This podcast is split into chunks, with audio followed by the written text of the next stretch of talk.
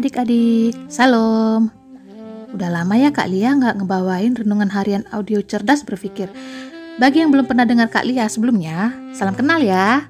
Kak Lia senang banget bisa kembali menyapa kalian dalam program ini. Soalnya, melalui program ini, kakak berharap pikiran kita makin diisi oleh kebenaran firman Tuhan. Hmm, baiklah. Kemarin kan kalian dengar pembahasan mengenai perintah ke-10 kan? Yang intinya, jangan iri sama kepunyaan orang lain.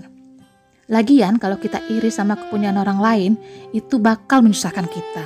Gini ya, misalnya nih, kalau keinginan karena rasa iri kita nggak terwujud, kalau kita nggak segera sadar, kita bakal iri terus.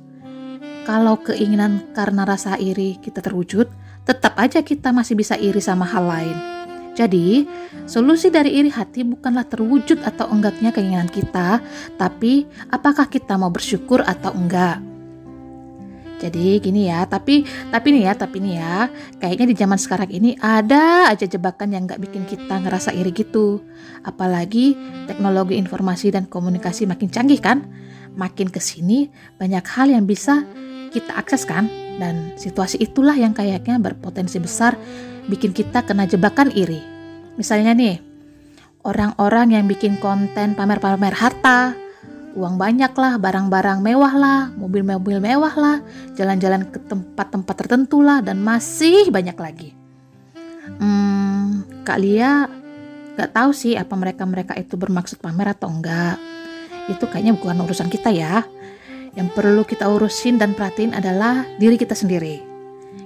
Gini, kalau kalian konsumsi konten pamer-pamer harta, pikiran dan jiwa kalian bisa rusak pikiran kalian bakal teracuni dengan konsep bahwa sukses itu berarti ya kita kaya. Kalau belum kaya dan belum terkenal, belum bisa dibilang sukses. Itu keliru sih. Kekayaan adalah salah satu tolak ukur terkecil dari kesuksesan. Bagi kakak sih ya, kesuksesan itu ketika kita bisa bertanggung jawab sama hidup dengan semaksimal mungkin. Terus nih ya, eh, kejiwaan kalian bisa rusak karena angan-angan kesuksesan yang keliru nanti-nanti kalian bisa tuh melakukan segala macam cara demi apa yang kalian anggap sebagai kesuksesan. Kepingin viral, bikin konten-konten yang gak pantas, kepengen kaya, korupsi lah, menjudi lah, dan yang lainnya. Oleh karena oleh karena itu, yuk kita sama-sama jauhin konten-konten merusak kayak gitu ya. Blokir aja bila perlu ya, oke? Eh iya, perlu kalian tahu nih, Makin kalian konsumsi konten-konten kayak gitu, makin kayalah orang-orang yang bikin konten kayak gitu.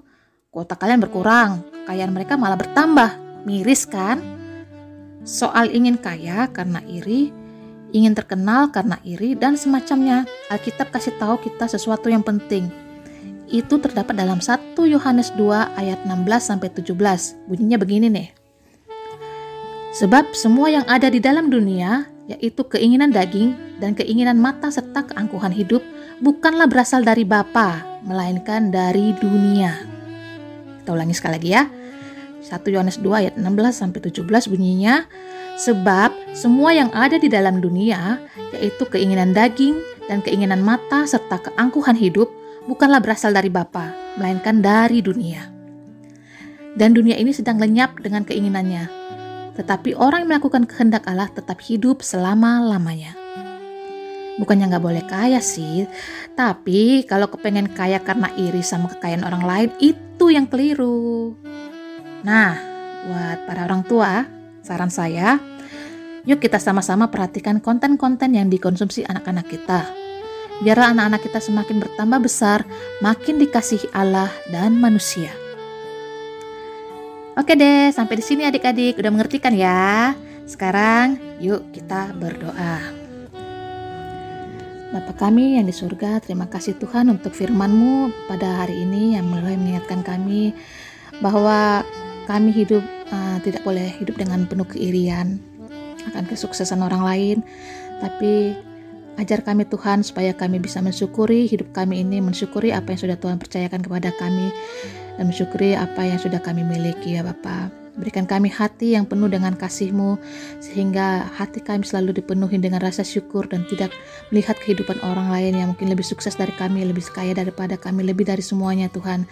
Tapi ajar kami untuk tetap bersyukur, tetap rendah hati, tetap mengasihi sesama kami Tuhan dan jauhkan kami dari segala rasa iri, rasa sirik ya Tuhan supaya kami juga bisa menjadi berkat bagi yang lainnya dan menjadi uh, memuliakan nama Tuhan saja. Terima kasih Tuhan untuk firman-Mu yang singkat ini bisa menjadi berkat bagi kami untuk melakukan kehidupan kami Tuhan supaya firman Tuhan ini menjadi berita bagi kami dan selalu mengingatkan kami untuk melakukan yang sesuai dengan kehendak Tuhan dan menyenangkan hati Tuhan saja.